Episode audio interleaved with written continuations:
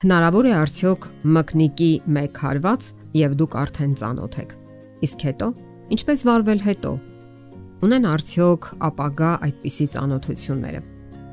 Կատարվել են միջազգային հարցումներ, որին մասնակցել են 17000 մարդ 18 երկրներից։ Իսկ հարցումները ցույց են տվել, որ այդ մարդկանց 10%-ը ամուսնության նպատակով մշտական զուգընկերներ է որոնել համացանցային ծանոթությունների օգնությամբ։ Շատերը, հատկապես աղջիկները, հավանաբար շատ են բախվել այն իրավիճակին, երբ ցանոթությունների հրավերներ են ստացել տարբեր սոցիալական կայքերից։ Նախաձեռնողները հայկական իրականության մեջ հիմնականում տղաներն են։ Այսօր գոյություն ունեն նաև բազմաթիվ ցանոթությունների կայքեր, որտեղ որոնողների 70%-ը տղաներ են։ Այդ կայքերում գրանցվելը դժվարություն չի ներկայացնում։ Անձնական տվյալներ, էլեկտրոնային հասցե, նկար եւ խնդրեմ, քո պրոֆիլը պատրաստ է։ Ընդ որում երաշխավորվում է անձնական տվյալների պաշտպանությունը։ Լինում են նաև հարցաշարեր, որոնք իրենցից առանձնակի դժվարություն չեն ներկայացնում։ Հեշտ է եւ հարմար։ Հարցն այն է, որ շատերը դժվարություններ ունեն դեմ դիմաց հարաբերությունների առումով Եվ այդպես on-line ծանոթությունների ձևով ավելի թեթևորեն են հարաբերություններ հաստատում մինչև հանդիպելը։ Իսկ արդյոք նման հարաբերությունները լուրջ եւ երկարատև ապագա են կանխատեսում։ Հասկանալի է, որ վիրտուալ ծանոթության ժամանակ ամեն ինչ հեշտ է։ Կարող ես ասել ինչ մտքովդ անցնի, որովհետեւ դիմացինին չես տեսնում, ապա օգտագործում են իրենց ունեցած հաջողությունների pašարը, ինչև դրանք էլ սպառվեն։ Իսկ հետո Երբեմն նման հարաբերությունները շարունակվում են, իսկ ավելի հաճախ հիասթափություն է սպասում։ Հարցն այն է, որ այդպիսի ծանոթությունների ժամանակ այնքան էլ հեշտ չէ դիմացինին ճանաչելը։ Մարդիկ նման դեպքերում խիստ զգուշավոր են եւ ներկայացնում են իրենց լավագույն կողմերը։ Նրանք անկեղծ չեն հիմնականում, որովհետեւ չեն վստահում դիմացինին։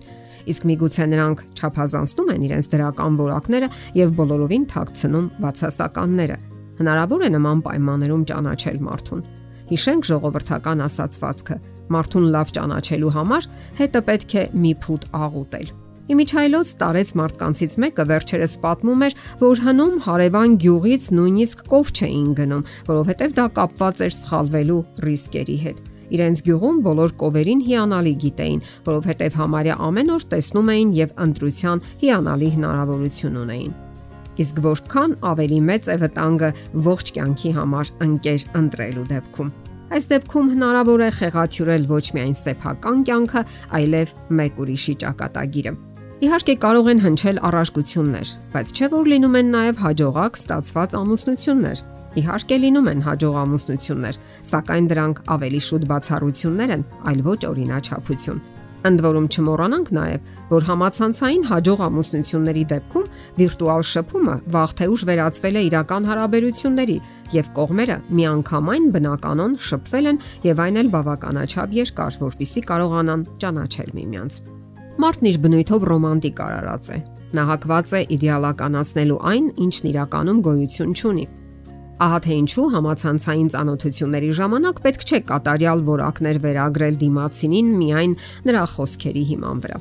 Ճիշտ է նաև հակառակը, երբ առաջին հանդիպման ժամանակ եթերային ծանոթները հաճախ այնքան էլ գրավիչ չեն թվում միմյանց։ Եվ սա հաստատել են հետազոտությունները։ Պարզվել է, որ մարդկանց սպասումները եղել են ավելին, Ինչպես արդեն նշեցինք, մարդիկ հակում ունեն իդեալական որակներ վերագրելու իրենց ապագա զուգընկերոջը։ Իրենց ենթադրությունները նրանք կառուցում են վիրտուալ շփման հիմքի վրա, իսկ վիրտուալ շփումն այլ է, քան իրականությունը, սակայն դա չպետք է արգել քանդիսանա հետագա հարաբերությունները շարունակելու համար։